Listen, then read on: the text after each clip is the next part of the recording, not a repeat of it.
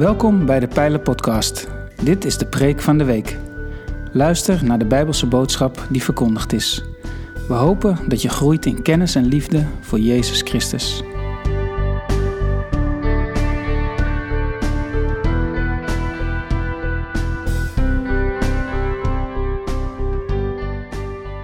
Jezus, u verdient alle glorie. Wat een, wat een zin die bij een christen binnenkomt als zijnde, ja, logisch.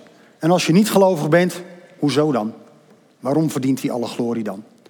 Nou, een kerk is bedoeld om dat uit te leggen. En we hebben vandaag een kampvuurdienst om mensen die dat niet begrijpen, niet meer begrijpen, nooit iets van gesnapt hebben, om daar iets dichterbij te komen. En vandaag willen we jullie iets gaan vertellen over dat hele vreemde gebruik in de kerk. Dat je dingen weggeeft. En dat doen we allemaal wel eens. Dingen weggeven in de zin van uh, iets voor een goed doel over hebben. Of gewoon eens meedoen aan een collecte die aan de deur komt of wat dan ook. Maar christenen gaan daar soms heel ver in. Um, ooit toen dit gebouw uh, gebouwd werd, waren er mensen die om dit doel te steunen hun auto verkochten en het geld hierheen gaf. Caravans werden in de verkoop gedaan en die gaven dat geld aan de kerk omdat we deze zaal wilden bouwen, zodat we jullie konden uitnodigen om jullie te vertellen over het evangelie. En zoals Moniz net al zei, uh, we zijn dit jaar twee partnerschappen aangegaan.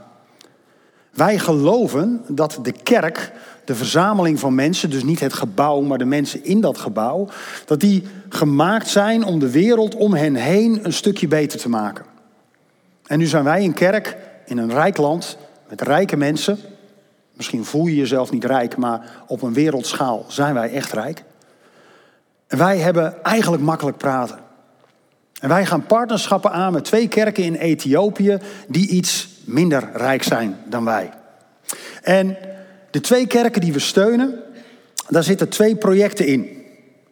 En die twee projecten die wij ondersteunen is de eerste, dat is een, een kindontwikkelingsprogramma. Dus wij sponsoren daarin geen individuele kerken, maar wij sponsoren, of geen individuele kinderen, dan moet ik het wel goed zeggen, maar wij sponsoren de kerk die dat faciliteert. Die ervoor zorgt dat er een plek is, dat er mensen zijn, dat daar opvang is en dat die materialen goed uitgedeeld worden. En het tweede project wat we steunen, dat is in de buurt van het eerste project. Dat is een project waar ongewenst zwangere moeders worden begeleid tijdens hun zwangerschap en na hun zwangerschap. En voor de moeders onder ons, jullie weten wat voor een ontzettende kwetsbare tijd het is als je zwanger bent, zeker als je in je laatste maanden loopt hoe kwetsbaar dat is. En daarna, als het kind dan geboren is, en stel je dat dan voor, zonder stromend water, zonder elektriciteit, zonder een man die om je geeft in een van de landen waarin de conflicten dagelijks oplopen. Binnen die onveilige situatie willen wij die moeders ondersteunen. Willen wij die moeders pakketten geven om voor hun kinderen te kunnen zorgen. Wij willen groeien als kerk in het geven door aan een andere kerk te geven, door twee andere kerken te geven, zodat zij in hun omgeving zout en zout kunnen zijn, licht kunnen zijn in de wereld waar het zo donker is. En wij geloven in een wereld waarin de rijkdom meer gelijkwaardig is verdeeld dan dat het nu zo is.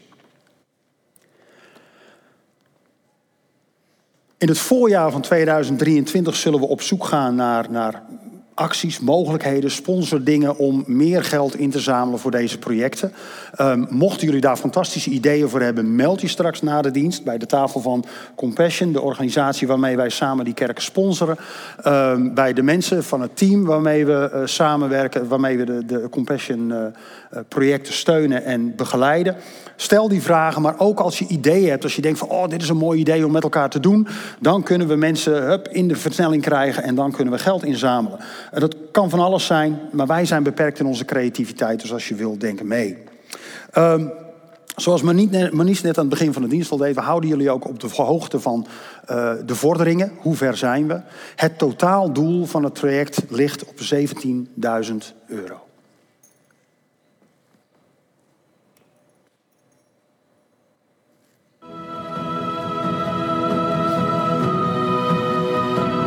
I am Dagmawit. I came from a small village in Ethiopia. Though my parents were both employed, their salaries were not enough to provide for themselves and their five children. Therefore, we live in a constant struggle. My siblings and I would quarrel over who would get the biggest portion of our breakfast because it was common for us to wonder whether there would be lunch in the house.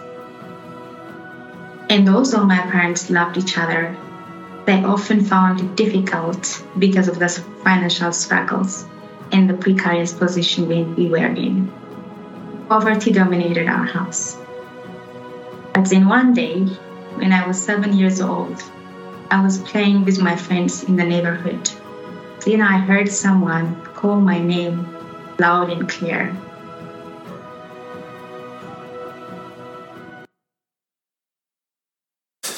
Degene, Dagmar Wiet, is haar volledige naam. Wij mogen het Daggy noemen. Daggy is geboren in een oud gezin, in, in een arm gezin in Ethiopië. Haar vader en moeder hadden beide wel een baan, maar een laag inkomen. Haar vader was soldaat, maar door een regimeverandering, wat daar nog wel eens gebeurt, raakte hij zijn baan kwijt. En hij ging werken in de beveiliging, maar dat betaalde ook niet zo denderend. En Daggy's verwachting voor de toekomst was dat zij net zoals haar oudere zus op een dag naar een van de Arabische landen zou moeten vertrekken om daar als huishoudster inkomen te verdienen wat ze dan weer zou kunnen doorgeven aan haar gezin in Ethiopië. En dat is een beeld van armoede wat wij niet kennen. Armoede dat in het belevingsniveau van een kind zo hard inspeelt op je leven de gespannen sfeer thuis van ouders die de eindjes bij elkaar proberen te, te, te, te knopen en het maar niet voor elkaar krijgen. We hebben afgelopen vrijdag hebben we via uh, Zoom of Teams hebben we een, een gesprek gehad met Daggy. En ze vertelde erover hoe het bij haar thuis spanning was. En er waren ruzies tussen haar ouders. Terwijl haar ouders ook heel veel van elkaar hielden en van hun kinderen. Maar dat is wat armoede doet. En als kind ga je jezelf steeds meer terugtrekken. Want ja, Jij bent niet iemand die geld heeft. Jij bent niet iemand die op school mee kan doen met de leuke kinderen. Je wordt een kind in de schaduw. Ik ben niet belangrijk. Wordt de gedachte die je leven beheerst. Maar op een dag hoorden ze haar naam. Wat ze net vertelde. En we vergeten wel eens hoe belangrijk het is dat je iemands naam hoort. Ik ben, toen ik net begon als leraar, sorry, toen ik net begon als leraar, um, toen besefte ik me ineens dat als ik dan leerlingen tegenkwam buiten de klas, dan liepen ze langs me heen alsof ze me niet zagen. Ze keken een beetje naar de muur, in ieder geval niet naar mij. En ik dacht van, hé, hey, ik ken jou, ik geef jou les. Dus ik zocht oogcontact en als ik dan oogcontact kon maken, kon ik ze groeten. Maar ze maakten nooit oogcontact. En ik dacht bij mezelf, wat is dat vreemd? Ik ben vast, ben vast geen populaire leraar of zo. Ze denken, oh shit, die oude vent. ik was toen nog maar 30, hè. Ik bedoel, uh, laten we eerlijk zijn, zo oud was ik toen ook nog weer niet. Maar voor die leerlingen misschien wel. Dus ik ging me afvragen, wat was er aan de hand? En op een gegeven moment sprak ik een, een, een meisje bij mij in de klas. En toen zei ik, Vio, maar ik heb je afgelopen weekend wel gezien. Want jij was daar, ik geloof Batavia Stad of zo. Jij liep daar. Ik zeg maar, ja, je zag mij niet. Ze zegt, oh meneer, maar ik zag u wel. Ik zeg, hè? Zeg, joh, ik zeg, ik had je willen groeten, maar je, je keek niet naar me. Ze zegt, nee meneer, maar ze zegt, ik zag u wel. Maar als ik u zie en ik groet u en u groet niet terug, dan faal ik voor mijn vrienden. Dan ga ik af. Dus is het makkelijkste om gewoon langs u heen te kijken, om maar niet te groeten. Toen dacht ik, hè, dus zo werkt dat. Ik heb me vanaf dat moment voorgenomen dat elke keer als ik een leerling tegenkom, of ze me nu aankijken of niet, dan noem ik hun naam en dan groet ik ze. En meestal, als ze hun naam noemen, draaien ze om en zijn ze blij dat ze gezien zijn. Zijn ze blij dat iemand aandacht voor ze heeft. Ook al is dat een oude leraar op een school waar ze liever ook niet heen gaan. Je naam is zo belangrijk. Mensen willen gezien worden. Mensen willen gekend worden. Mensen willen iemand zijn. Maar wat nou als je gevangen bent in armoede en je kunt niet naar school? En je durft geen mensen bij jou thuis uit te nodigen, omdat de sfeer zo gespannen is. Wie ziet jou dan? En ik kwam erachter dat armoede werkt als een soortement rotonde waar je op vast zit en je kunt er maar niet af. Want elke afslag die jij wil nemen, daar staan mensen die zeggen: Oh nee, niet voor jou. Jij bent niet belangrijk genoeg. Jij bent niet welvarend genoeg. Jij bent niet onderwezen genoeg. Jij bent niet goed genoeg gekleed. Elke afslag die je wil nemen, wordt je geweigerd. En je blijft maar rondgaan op die rotonde voor armoede. Je bent niets. Je bent arm. En het stomme is dat rijkdom vrijwel net zo werkt. Rijkdom werkt ook zo. Op het moment dat je bezit verzamelt, kom je ook op zo'n rotonde en is het zoeken naar de afslag. Maar ja, die ene afslag, daar kun je je geld wel aan uitgeven. Maar weet je wel zeker dat als je dat doet, dat je nog voldoende hebt voor morgen en voor overmorgen. En die andere, daar kun je wel je geld aan uitgeven. Maar als je die afslag neemt, weet je dan wel zeker waar jouw geld terecht komt en of er wel echt goed mee gedaan wordt.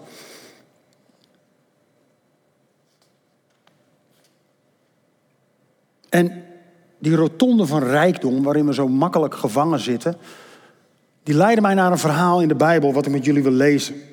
Een verhaal waar precies dit speelt. Ik wil met jullie lezen uit Lucas 19, vers 1 tot en met 10. En voor degenen die denken, Lucas 19, Lucas is een boek van de Bijbel. De Bijbel bestaat uit 66 verschillende boeken. En Lucas is een van de schrijvers van het Nieuwe Testament, het tweede deel van de Bijbel. En Lucas is een arts en die schrijft voor een Griek die Theophilus heet. En hij is letterlijk als een soort onderzoeksjournalist onderzoek gaan doen naar wat dat nou allemaal was rondom die Jezus van Nazareth. En hij heeft allerlei mensen gesproken. En Lucas is ook de enige die een anekdote heeft van de tienerjaren van Jezus. Jezus in de tempel. De christen die weten allemaal waar ik het over heb. Toen was Jezus eigenwijs, bleef hij achter en zijn ouders me zoeken en zoeken. Maar die, die kleine anekdote die laat ons zien dat waarschijnlijk Lucas in zijn onderzoek ook ergens met Maria gesproken heeft, de moeder van Jezus. Want ja, wie weet er beter wat je kinderen uitvreten dan de moeders. Deze Lucas die schrijft in hoofdstuk 19, de vers 1 tot en met 10, een verhaal van Jezus die naar Jericho gaat. Jezus ging Jericho in en trok door de stad. Er was daar een man die Zacchaeus heette. Deze Zacchaeus was hoofdtollenaar en hij was erg rijk. Hij wilde Jezus zien om te weten te komen wat voor iemand het was, maar dat lukte hem niet vanwege de menigte, want hij was klein van stuk. Daarom liep hij snel vooruit en klom in een vijgenboom, om Jezus te kunnen zien wanneer hij voorbij kwam. Toen Jezus daar langs kwam, keek hij naar boven en zei: Zacchaeus, kom vlug naar beneden, want vandaag moet ik in uw huis verblijven. Zacchaeus kwam meteen naar beneden en ontving Jezus vol vreugde bij zich thuis. Allen die dit zagen, zeiden morren tegen elkaar: Hij is het huis van een zondig mens binnengegaan om onderdak te vinden voor de nacht. Maar Zacchaeus was gaan staan en zei tegen de Heer: Luister, Heer, de helft van mijn bezittingen zal ik aan de armen geven. En als ik iemand iets heb afgeperst, zal ik het viervoudig vergoeden. En Jezus antwoordde: Vandaag is dit huis redding ten deel gevallen, want ook deze man is een zoon van Abraham. De mensenzoon is gekomen om te zoeken en te redden wat verloren was. De mensenzoon is een titel die Jezus vaak voor zichzelf gebruikt. De zoon van de mensen, de zoon van de wereld. Tot zover.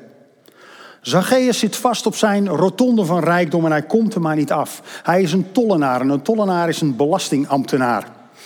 Nu zijn wij meestal al niet blij als die blauwe envelop in de deur krijgen. In die tijd was het nog wel wat ernstiger.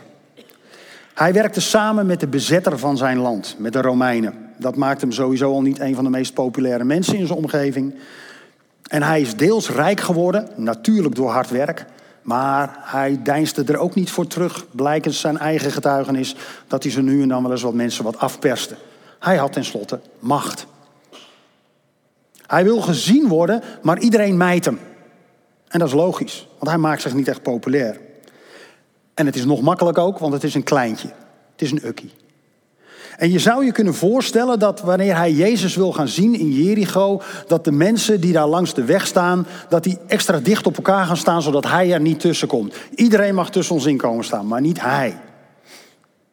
Die collaborateur, die samenwerkt met de vijand, die ons geld inpikt,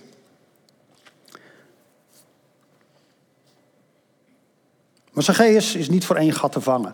En Zacchaeus klimt in een boom, want hij wil die Jezus zien. Hij heeft blijkbaar al zoveel over hem gehoord. Hij wil hem zien. En we weten niet precies waarom hij hem nou zo nodig wil zien. In die tijd had je nog geen posters. Misschien dat dat een onderdeel van de oplossing is. Maar hij wilde Jezus zien. Hij wilde die persoon zien.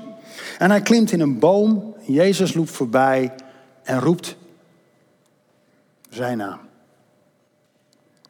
En niet alleen zijn naam, hij zegt hem, ik wil vandaag bij jou thuiskomen. En dat is in de cultuur van het Midden-Oosten een enorme eer.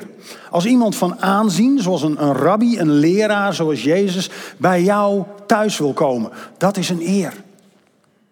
En Jezus doet dat ten overstaan van alle mensen van Jericho. En die roept dat zodat iedereen het hoort en iedereen het ziet. Zacchaeus zit vast op zijn rotonde, is alleen maar geld aan het verzamelen en nog meer geld aan het verzamelen. Wil eigenlijk gezien worden, maar weet niet hoe hij er vanaf moet komen. En dan komt er iemand die hem richting geeft. En vanaf daar lijkt het in het verhaal een beetje alsof we schakelen uh, tussen fragmenten van het verhaal. We lezen ten eerste dat de mensen eromheen er nogal wat van vonden. En dat is niet zo moeilijk hè, voor ons mensen. Wij vinden automatisch overal ergens wat van. Je hoeft maar iets te zien en je hebt meteen in je hoofd wat je ervan vindt. Kleding vind je het leuk, vind je het niet leuk. Muziek vind je het goed, vind je het niet goed. Um, iemand die zijn auto verkeerd parkeert op de stoep, daar vind je wat van. Of juist niet. Op de een of andere manier kunnen we ons niet tegenhouden. En die mensen doen dat ook. Die vinden daar wat van. Dat doe je toch niet? Je gaat toch niet zomaar bij iemand die zo slecht is, die mensen afperst, die allerlei dingen doet waar wij met z'n allen tegen zijn. Daar ga je toch niet zomaar naar binnen?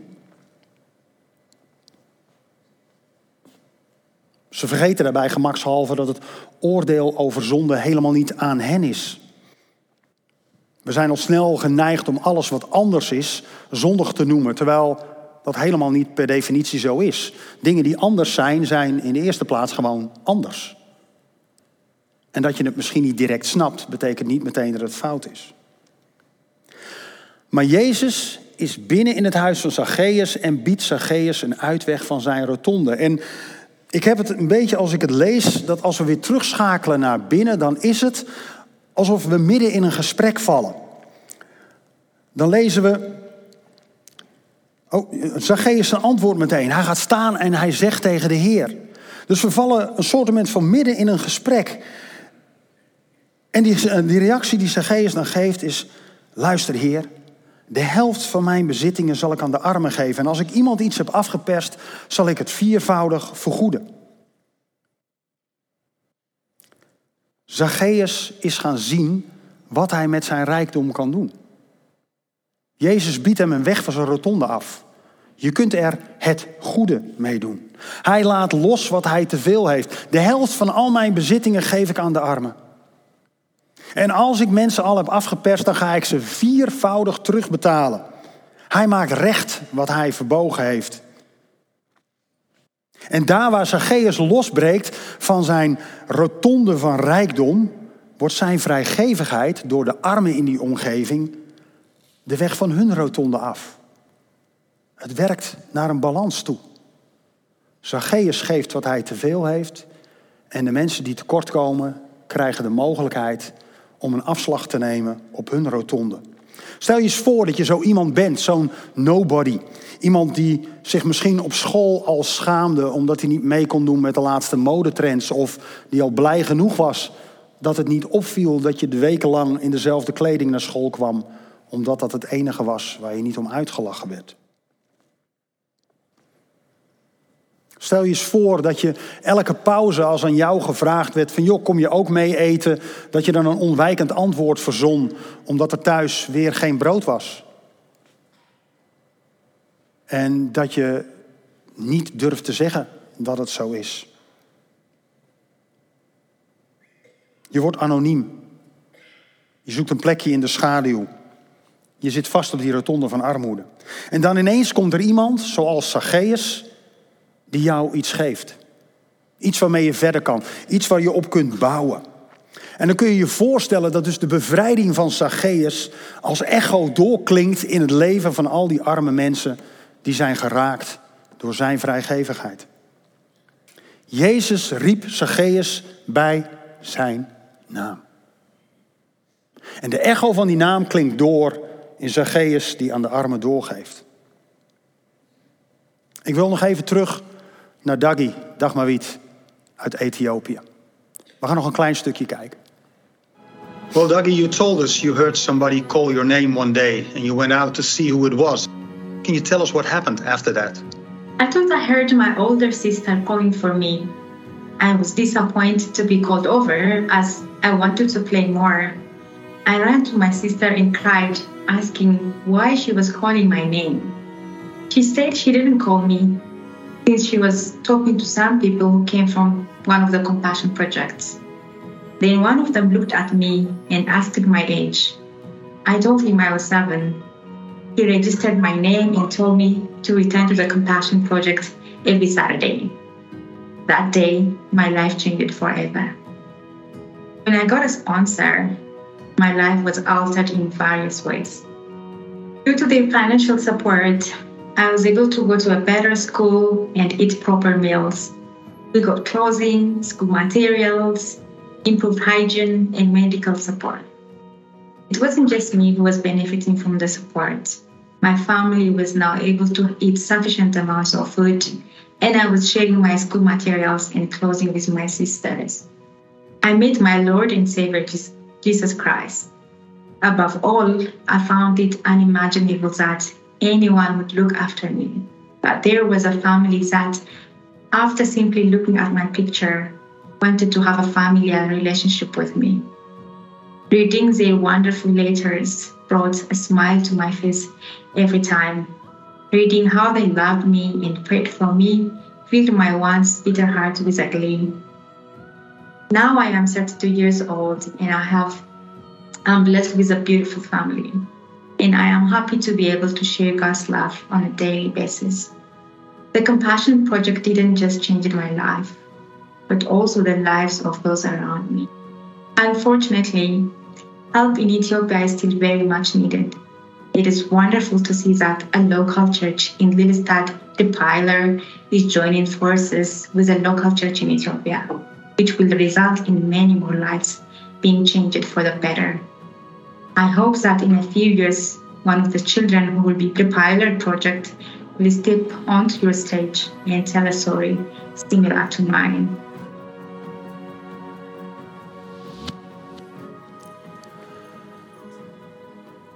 Zoals ik al zei, we hebben elkaar kort gesproken vrijdag. En uh, er is natuurlijk veel meer gezegd dan wat jullie hier in de video zien. En ik was onder de indruk. Gewoon van het feit hoe zij als persoon nu in het leven staat. Lief, vriendelijk, intelligent. En er was één foto die voorbij kwam aan het einde. Die vond ik wel heel gaaf. Als het goed is, Henko heeft hem. Deze. Uh, in het midden Dagmariet en haar man en hun kleine kind. En die vier jongens eromheen, die uh, zijn bij hen gekomen door een stichting. En die stichting die vangt straatjongens op in Ethiopië. En die plaatst ze bij een gezin, zodat ze een jaar lang in een gezin meedraaien om te leren wat een normale gezinsdynamiek is. Ze hebben deze vier jongens ruim een jaar in huis gehad. Straatjongens. De goedheid die gegeven is aan Dagmariet vanaf haar zevende.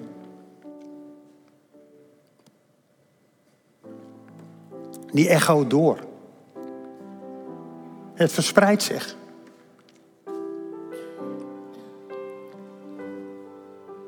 Haar naam werd geroepen en daardoor konden onder andere deze vier jongens hun naam horen. Heeft ze een leven wat toekomst heeft, wat een perspectief heeft, anders dan schoonmaakster zijn in een Arabisch land. En wij als kerk willen geven aan kerken daar om onderdeel te zijn van de oplossing. En geen onderdeel van het probleem. We willen niet gevangen zitten op die rotonde van rijkdom. En als je niet christelijk bent, dan snap je het misschien niet helemaal. Maar het gaat om het horen van jouw naam. Om het horen van Gods stem. En zoals Menies in het begin al zei, dat is voor iedereen persoonlijk. Je zou kunnen zeggen, Zacchaeus had het makkelijk. Want Jezus was een mens van vlees en bloed en die riep zijn naam. Maar Dakmawiet hoorde haar naam. En haar zus zegt, joh, ik heb jou helemaal niet geroepen. Kom hier doen. God roept. En ik wil jullie vragen zometeen om even een moment stilte te nemen. Misschien is het zelfs goed om je ogen te sluiten. Om gewoon eens te luisteren. Dat we niet afgeleid worden door de geluiden in onze omgeving, zal Wouter gewoon rustig doorspelen. Trek je even terug in jezelf. En vraag even of je kunt, of je wilt bijdragen aan dat wat wij als kerk willen doen. Er komen zo meteen dingen op het beeld, eh, mogelijkheden om te geven. Via de gift app, eh, de collecte aan het einde van de dienst, bij de uitgang, als je contant wilt geven. Of eh, een QR-code komt er ook te staan. Dat gaat lastig trouwens met je ogen dicht, je telefoon richten, maar daar kom je vast uit. Um, denk na. Luister. En als God je naam roept, of God je aanspreekt, hoe je dat ook ervaart, geef dan. Geef niet meer dan je hebt. Geef wat je wilt geven, geef wat van jou gevraagd wordt. Niet om ons, maar om een land waarin ze het veel minder goed hebben dan wij. En dat we ze een stuk gunnen van dat wat voor ons zo normaal is. Ik wil u vragen om gewoon even een moment stil te zijn. Doe je ogen dicht. Luister naar het spel van Wouter. En kijk wat de Heer tegen je zegt.